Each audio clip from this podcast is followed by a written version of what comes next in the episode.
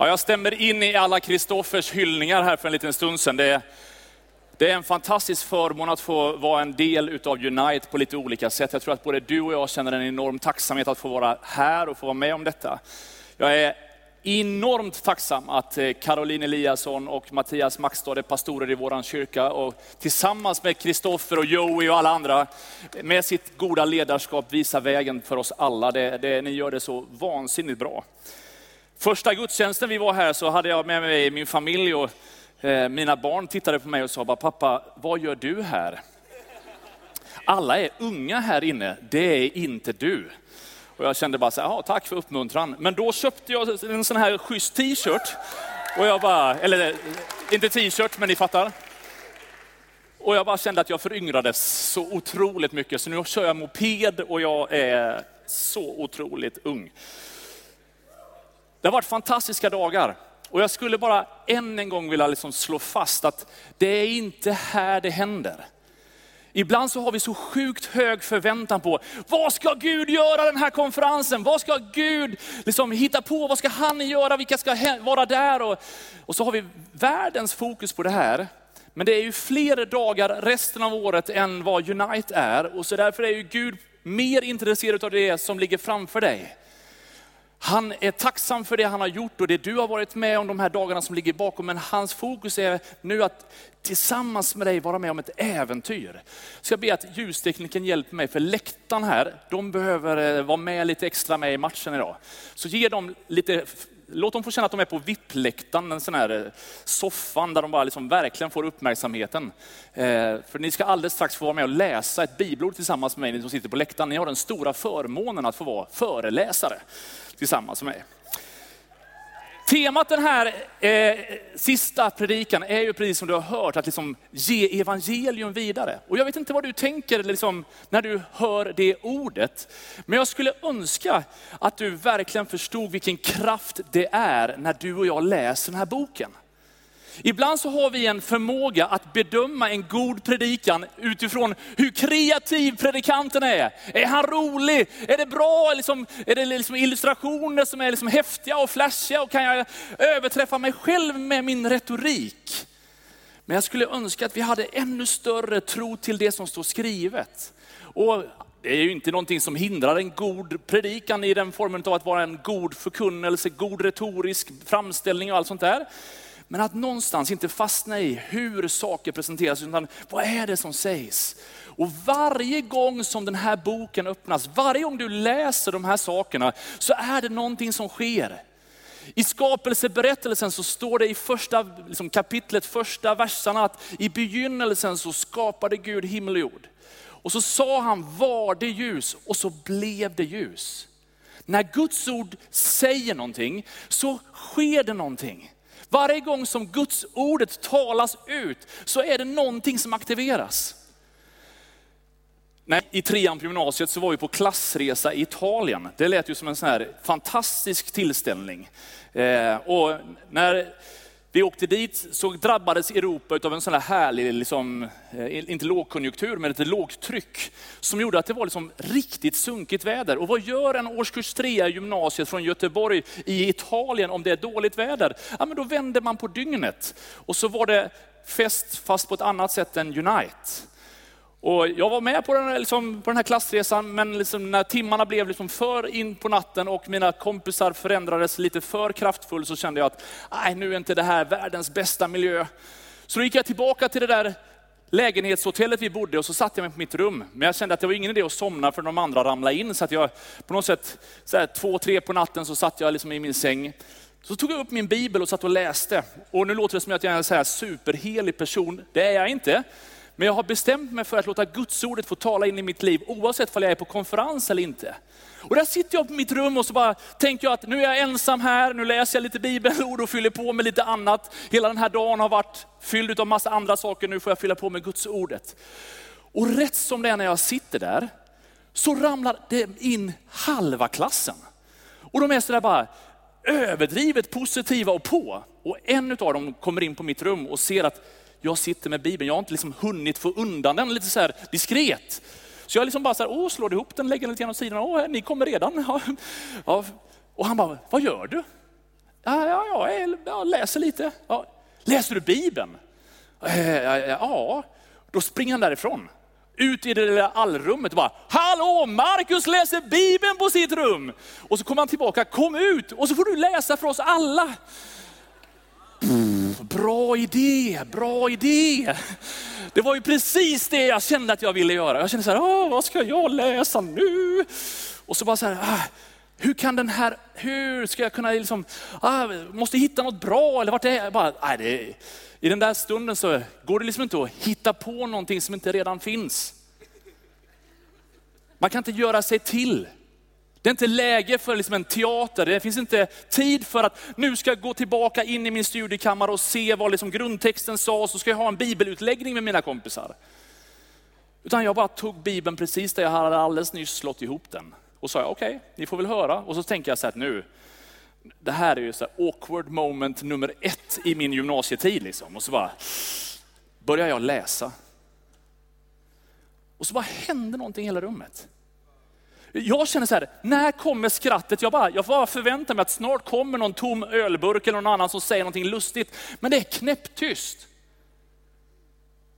Och det var så här enormt konstig känsla när jag liksom så här tittar upp lite så här blygt från bibeltexten och tänker så här, nu, nu, nu.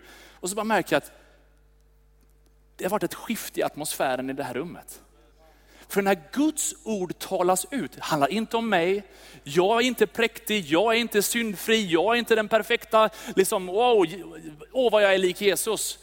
Nej, men när Guds ordet talades ut, så förändrades atmosfären i rummet. Jag skulle önska att du förstod att Guds ordet är sant som säger att det är levande och verksamt.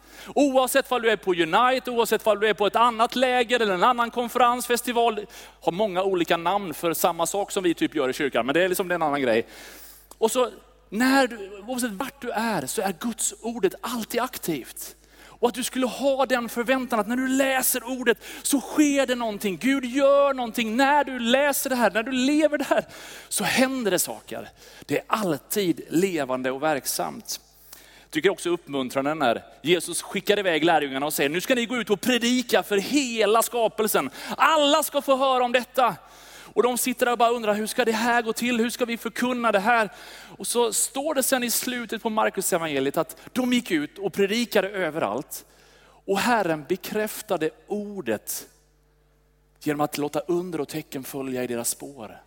Det var inte så att Gud kom med sin övernaturliga kraft och bara förlöste massa mirakler för att de hade varit på Unite och hade den rätta tröjan och sjöng de rätta sångerna och gjorde allting rätt. Nej, det var människor som hade svikit Gud, som hade lovat en sak som de inte höll. Det var ett brutet nyårslöfte, big time för allihopa. Men de bara sa, okej, okay, med våran brustenhet, med våran synd, med vårat svek, allt det som vi har i vårt bagage, det verkar inte vara ett hinder för Gud att ge en andra chans. Nu predikar vi ordet, vi delar ordet och Gud bekänner sig till det. Jag skulle bara vilja uppmuntra dig så mycket jag kan. Att när du tar en bibel med dig hem idag och ska ge till en kompis så är det liksom inte så här, oh, jag hade med mig en blomma, ställ den på ett bord och låt den ligga framme en vecka och sen kan du ställa den i bokhyllan. Utan att du uppmuntrar till att läsa och ha förtroende för det som står skrivet.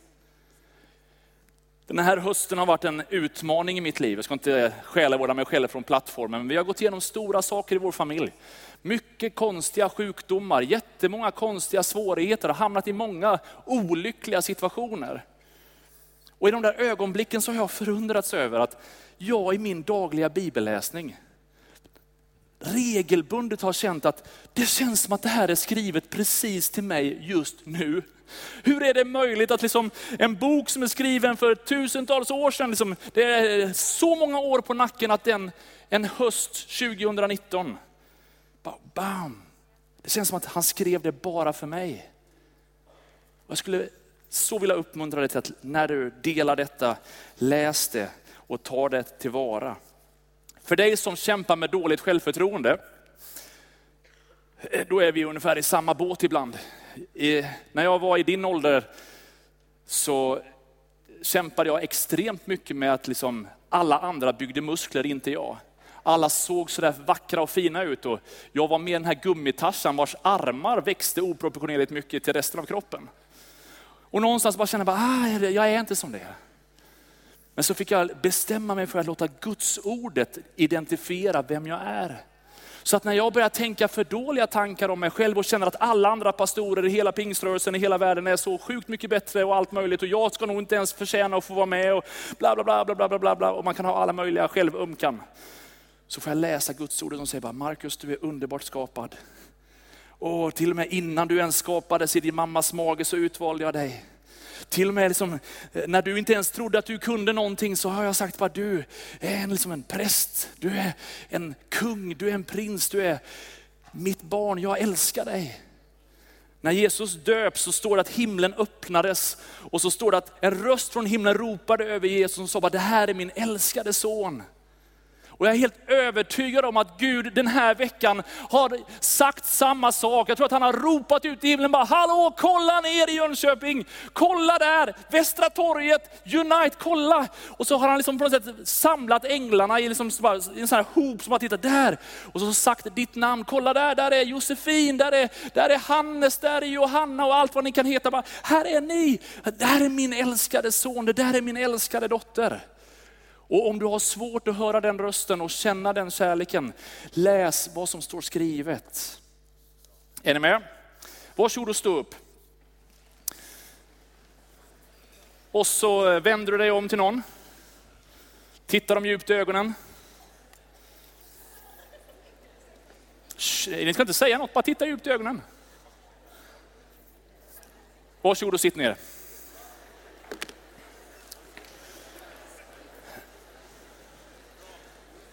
Faktum är att en av kyrkofäderna, en kristen man för länge, länge, länge, länge sedan som definierade mycket av teologi och vad Bibeln egentligen gick ut på.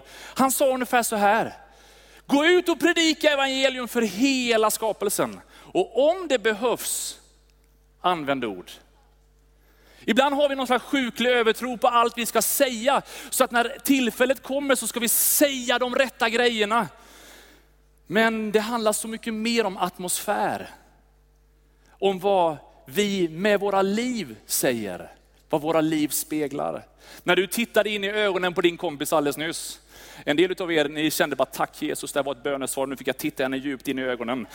Eh, och det var, det var en särskild hälsning till dig. Ta vara på dina five minutes of, man vet aldrig. Om du letar efter en fru i framtiden så är ju som det här är en bra plats på något sätt ändå att leta. Men du vet atmosfär. Man kan aldrig egentligen ha en bra predikan på United utan att vara i rymden i någon form. Det, det är liksom, för er som har varit med lite, ni vet att jag är svag för allt vad laser, jag älskar, jag får ju begär till ledväggar och lampor. Det är ju bara så, jag ska bygga om hemma tror jag lite. Men du vet, i atmosfären om du kan universum lite grann, så är det nämligen så att här på jorden så kan vi andas, vi kan leva, växter kan växa. Vi kan göra massa saker för att det finns en atmosfär som på något sätt sträcker sig, som gör att inte all den här härliga miljön bara försvinner ut i den svarta rymden. På månen som är en cool plats, vi hade en diskussion häromdagen fall vi i familjen skulle vilja åka till månen. För min son som är fyra år, han tycker om att bygga raketer i någon form.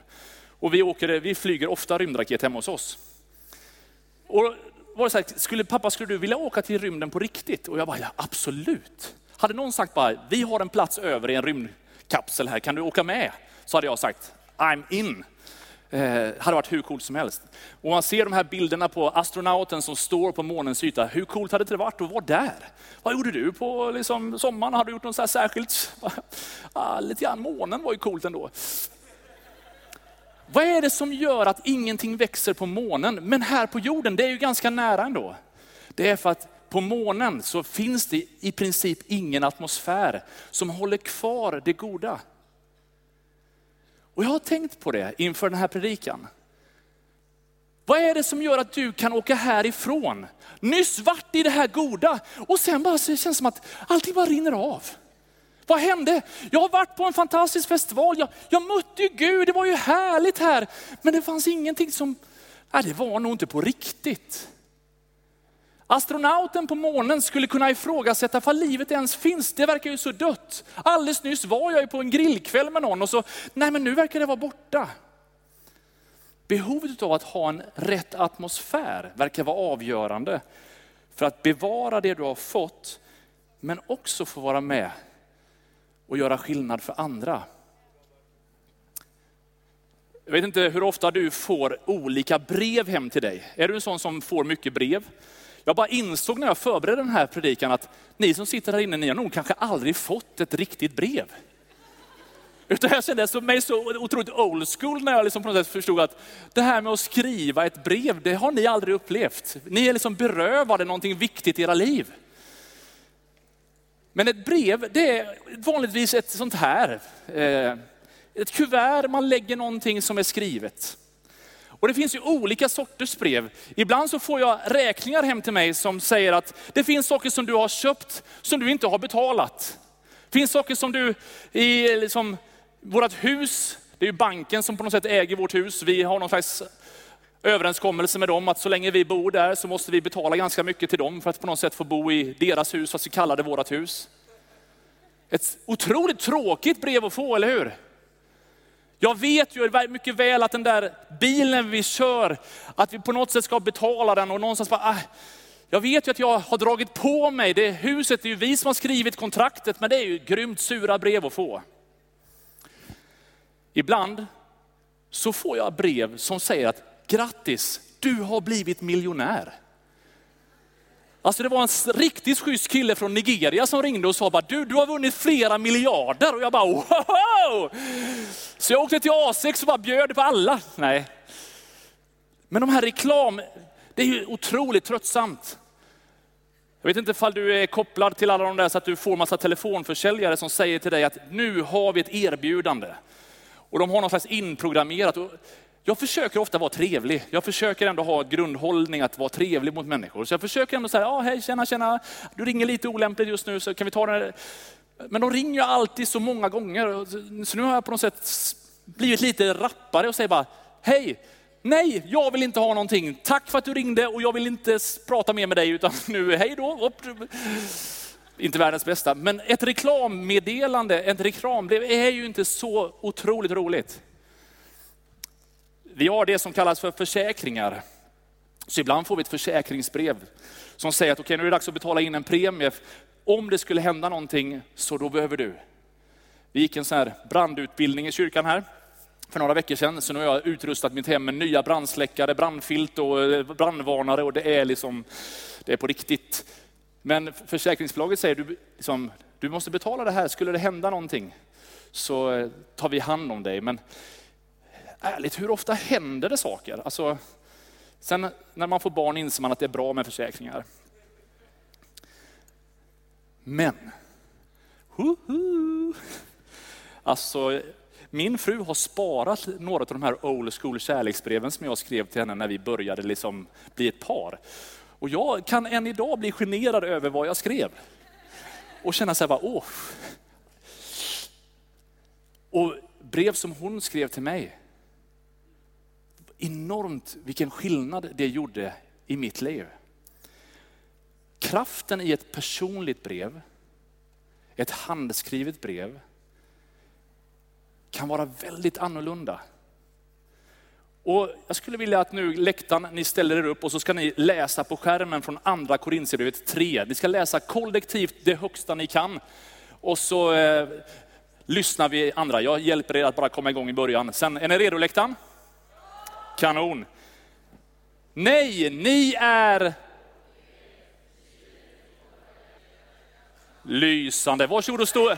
Alla kan stå upp, alla kan stå upp. Och är det någon som sitter nu så bara rycker du upp den också och bara säger bara res dig upp i Jesu namn. Det är Unite-temat nästa år. Rise up now, kom igen vi tar en liten pre, pre-Unite redan nu. Och så vänder du dig till den som står bredvid. Tittar djupt i ögonen. Och säger, du är det bästa brev jag har läst 2020. Varsågod och sitt ner. Faktum är att ganska många missuppfattar vad det är att förkunna evangeliet. Ganska många människor är det som tänker att vår uppgift är att säga bara, du är en syndare, du har gjort så mycket fel, du är helt dum i huvudet som gör så många dumma saker. Du är helt offside i livet. Och på ett sätt kan man säga, det är inte helt fel. För faktum är att Bibeln säger att alla är vi syndare. Alla har vi gjort uppror mot Gud i någon form, alla har vi vänt oss bort från honom i någon form, alla har vi ett behov av en frälsare. Men frågan är ifall det är vår uppgift att skicka ut räkningsbreven som bara, nu ska jag gå till skolan, nu har jag varit på Unite. Nu ska jag bara ställa en stor fet fana mitt i klassrummet och säga bara nu, it's time to pay. Jag vet inte ifall det är bra. Ganska många människor som inte brukar gå i kyrkan, de har en bild av oss som går i kyrkan att vi är sådana. Som på något sätt, ah, du är inte en riktigt bra människa. Och man ser oss mer som människor med räkning, med skuld, med pekfinger. Eller så är vi sådana där som har en reklamkampanj. Woho, nu är vi i pannkakskyrka. Det är inget fel på pannkakskyrka, men det var dåligt, förlåt. Helt fel bild. Vi backar tillbaka. Nu så har vi någonting som bara händer eh, enstaka upplevelser. Ni fattar? nej, skit, ni fattar grejen.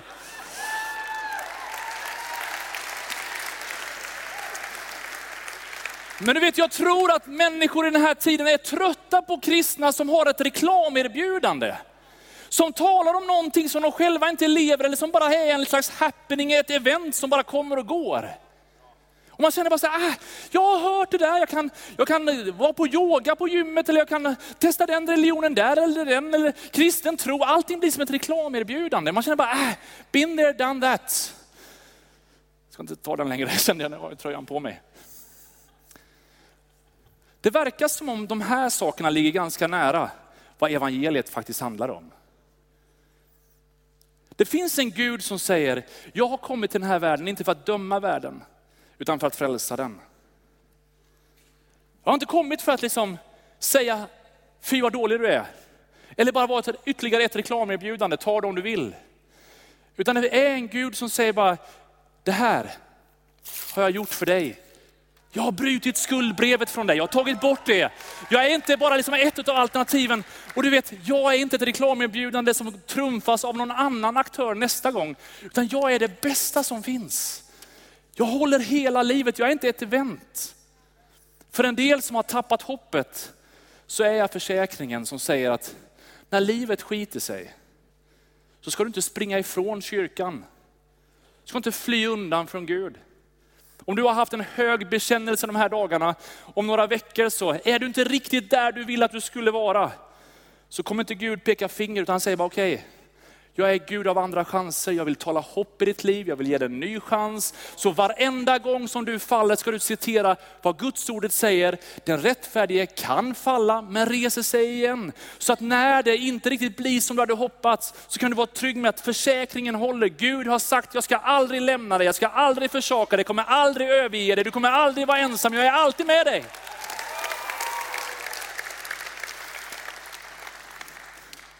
Och så säger han bara, du, jag vill inte bara skicka ett kärleksbrev till dig. Jag vill verkligen att du ska känna dig älskad. Och jag märker att människor i min omgivning, de har förstått att det finns fyra evangelier i Bibeln, Matteus, Markus, Lukas och Johannes. Men att de oftast läser det femte evangeliet innan de läser de fyra första. Och det Kristusbrevet är du och jag. När de har läst oss, så kommer de avgöra vem utav de här breven vi är, vilken atmosfär vi är med och skapar. Och utifrån hur de läser våra brev kommer de känna, ah, jag är nog lite nyfiken ändå. Vad är hemligheten till det liv som de lever? Hur har de det egentligen? Men vi är inte bara ett Kristusbrev. Varsågod läktaren, nu får ni stå upp igen. För nu ska ni få läsa från andra Korinthierbrevet kapitel 2 vers 14 och 15. För där står det att vi är ett Kristusbrev. Så läktaren, är redo? Är gladiatorerna redo? Bra, då kör vi. Tre, två, ett. Lysande, lysande läktaren. Varsågod och stå upp igen. Varsågod och stå upp igen. Här kommer ingen undan, så du som sitter nu, varsågod och stå upp. Vi väntar på dig. Vi väntar på dig. Kan du lyfta dina händer? Nu ska vi inte göra det här överdrivet, men du ska bara ta lite huvudet åt vänster och bara känna liksom, är det en god doft? Sen, sen vänder du dig till den som står till höger och säger bara, du luktar också gott.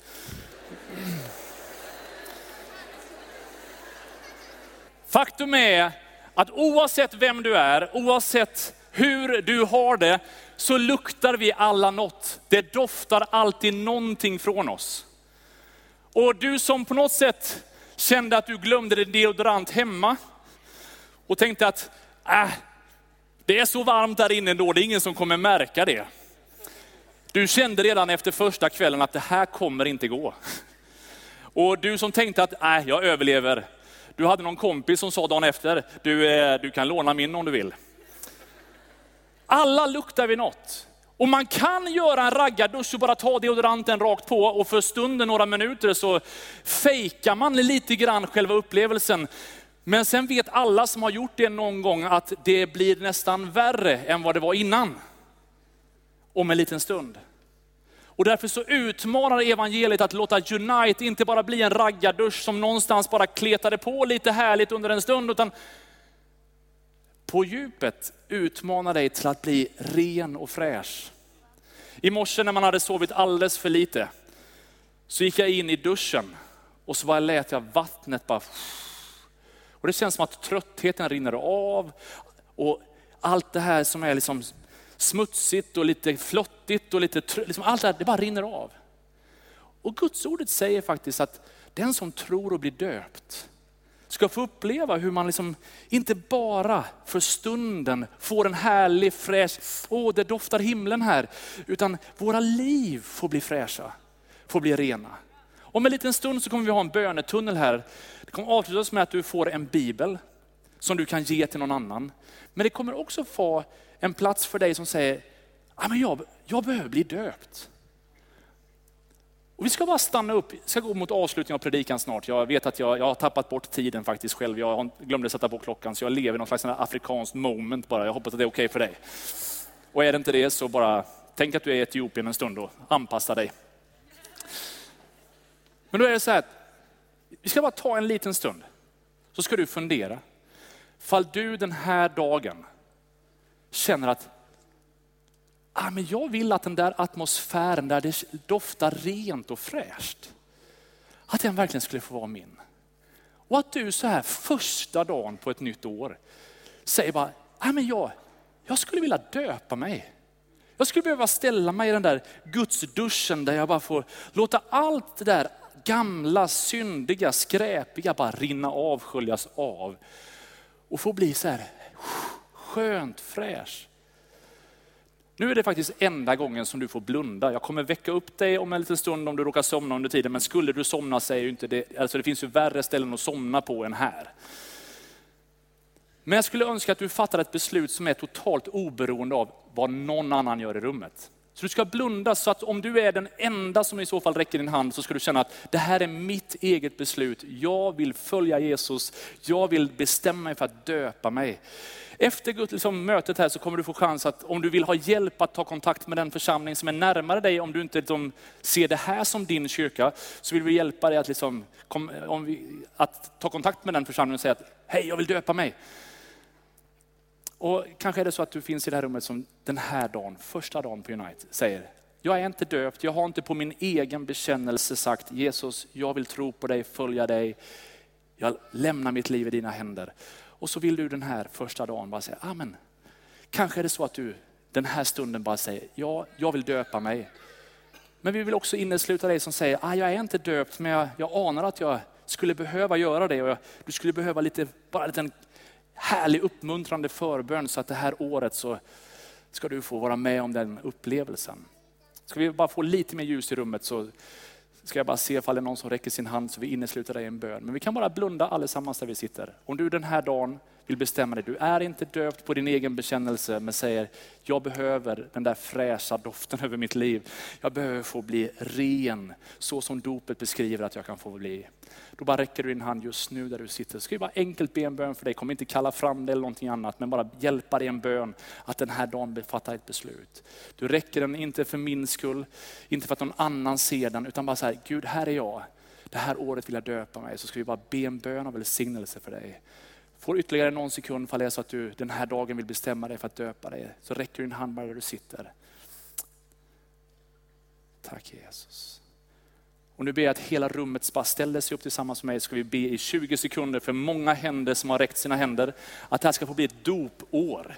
Där många människor ska få döpas. Jesus jag tackar dig för att du är den levande guden och att du är här för att vara med och förvandla våra liv. Jag ber för varenda tjej och kille i det här rummet som den här dagen har bestämt sig för att döpa sig, sagt att jag vill bli en väldoft inför dig. Jag vill att allt det här andra som är sunkigt, som luktar illa, bara ska få sköljas ifrån mig, rena mig, befria mig. Tack för att du vill ge det till dem Herre. Jag ber dig att det beslut som de har fattat den här dagen, att de skulle få skörda stora välsignelser av att få känna hur den väldoften får prägla deras liv. I Jesu namn. Amen. Ska vi ge dem en applåd, de som alldeles nyss har bestämt sig.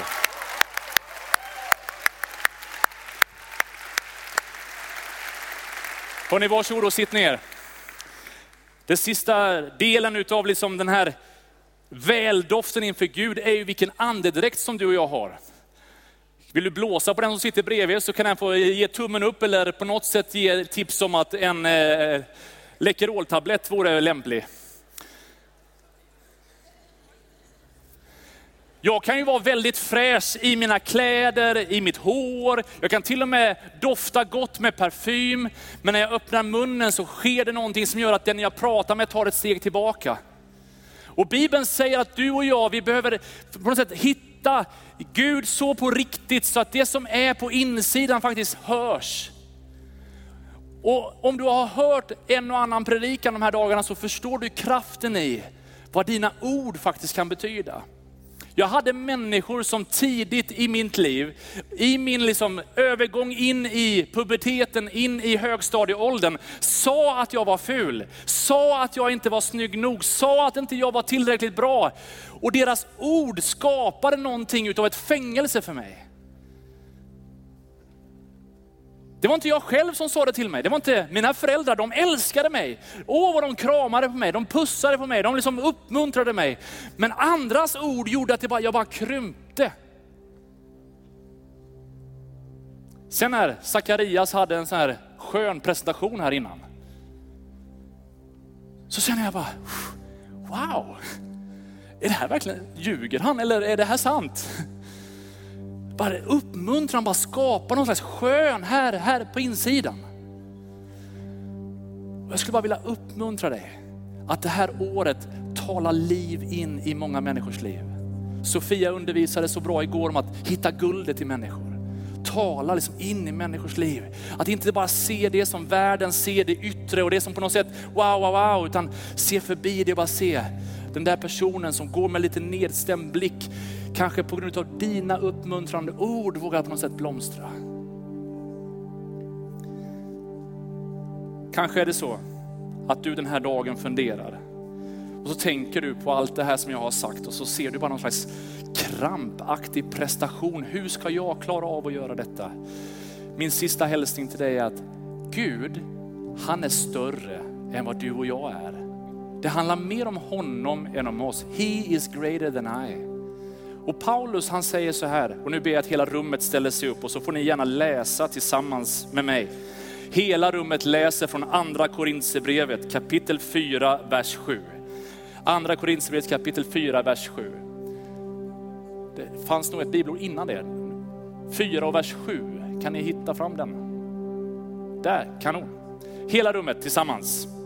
Men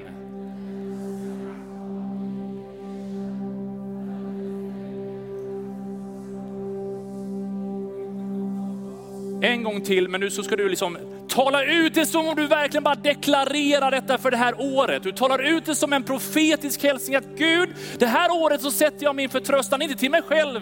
Det är inte min präktighet och, och att jag är så trevlig och check och bjuder hem allt och alla och gör allt för alla.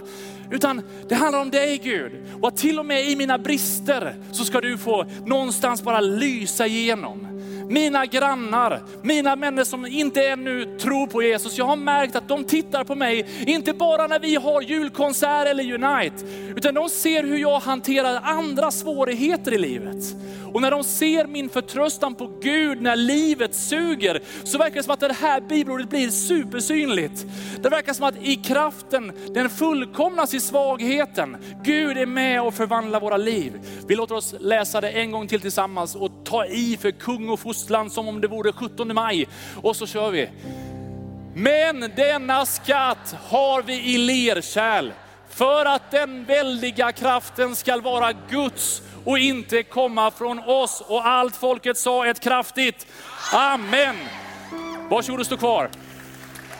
Varsågod och stå kvar.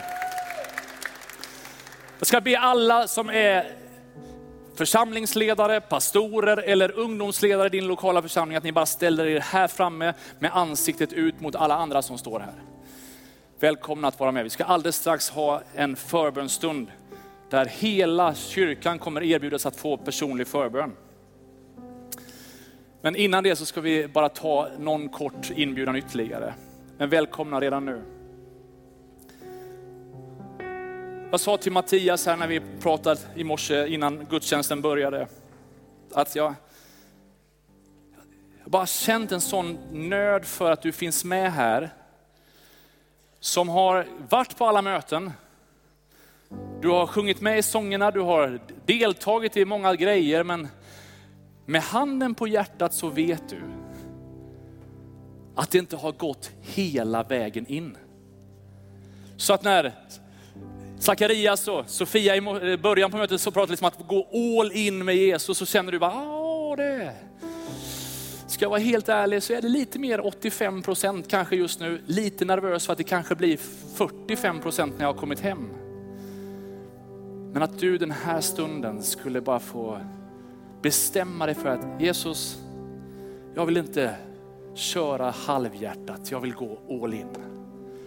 Så ska vi avsluta min predikan med att be en bön för dig. Om du känner att den här dagen så vill jag bestämma mig för att Jesus, jag vill verkligen ha dig 100 procent. Spelar ingen roll om du har kallat dig kristen under många år. Spelar ingen roll om dina föräldrar är kristna och till och med liksom aktiva ledare i kyrkan. Eller, det är ingenting man ärver i generationer på det sättet, utan du behöver själv bestämma dig för att Jesus, jag vill att du ska vara min Herre. Och att vara Herre är hundraprocentigt. Och då tänker du, nej men jag är ju inte tillräckligt bra. Nej men det handlar inte om oss, det handlar om honom. Det handlar om att han är tillräckligt bra och att han i sin nåd har brutit skuldbrevet så att vi kan bli fria. Och nu bara ber jag dig än en gång att blunda i respekt för de som är runt omkring dig. För du ska fatta ett beslut som är oberoende av vad någon annan gör. Men om du känner den här första dagen på 2020, så ska jag lägga det gamla bakom mig och säga bara Jesus, förlåt för att jag har spelat spelet, men nu vill jag verkligen sträcka mig efter dig. Herre, Förlåt mig att jag inte har vågat, men tack för att du trots min osäkerhet den här dagen tar emot mig som ett barn i dina armar. Om du vill så kan du bara få räcka din hand den här stunden och säga Jesus, jag vill från den här dagen ta dig hundraprocentigt. Jag vill bli en kristen på riktigt. Så ska vi be en enkel bön för dig alldeles strax. Inte för att någon annan gör det utan för att du känner bara en sån längtan. Gud, jag vill att det ska vara på riktigt i mitt liv all in riktigt. Och för dig som kanske aldrig fattat det här beslutet förut, så är det kanske det viktigaste du behöver göra på hela den här konferensen. Att bara säga Jesus, nu vill inte jag köra mitt eget race, nu vill jag gå tillsammans med dig. Tack Jesus. Tack Jesus för varenda hand som räcks i det här rummet. Bara stanna kvar en liten ögonblick inför Guds ansikte. Tack Jesus för varje man, varje kvinna som den här stunden bara säger Jesus, jag vill leva helt för dig. Jag kommer alldeles strax leda en enkel bön där du får göra min bön till din bön om du vill. Jag bara hjälper dig att liksom stava din första frälsningsbön kanske, en överlåtelsebön om att gå all in. Många som räcker sina händer. Är det någon mer som bara känner att, ah, är det något jag ska lova så är det liksom att det här året så vill jag vara helhjärtad. Så att till och med när livet är en utmaning så kommer jag säga, Gud nu är det tufft, hjälp mig. Jag kommer inte hålla någonting tillbaka, jag vill gå all in, jag vill verkligen vara din. Är det någon mer som inte har fattat ett beslut om det, så bara gör det. Tack Jesus. Vi kan ta ner händerna sen när jag räckt dem och så ber vi tillsammans med hela rummet. Jesus, jag tackar dig för allt som du gjort för mig. Tack för att du älskar mig så mycket att du dog för mig. Tack för att min synd är förlåten. Tack för att du fyller mig och att du alltid är med mig. Från den här dagen och resten av mitt liv vill jag leva helt för dig. Helt med dig. Och tack för att du är med mig. I Jesu namn. Amen.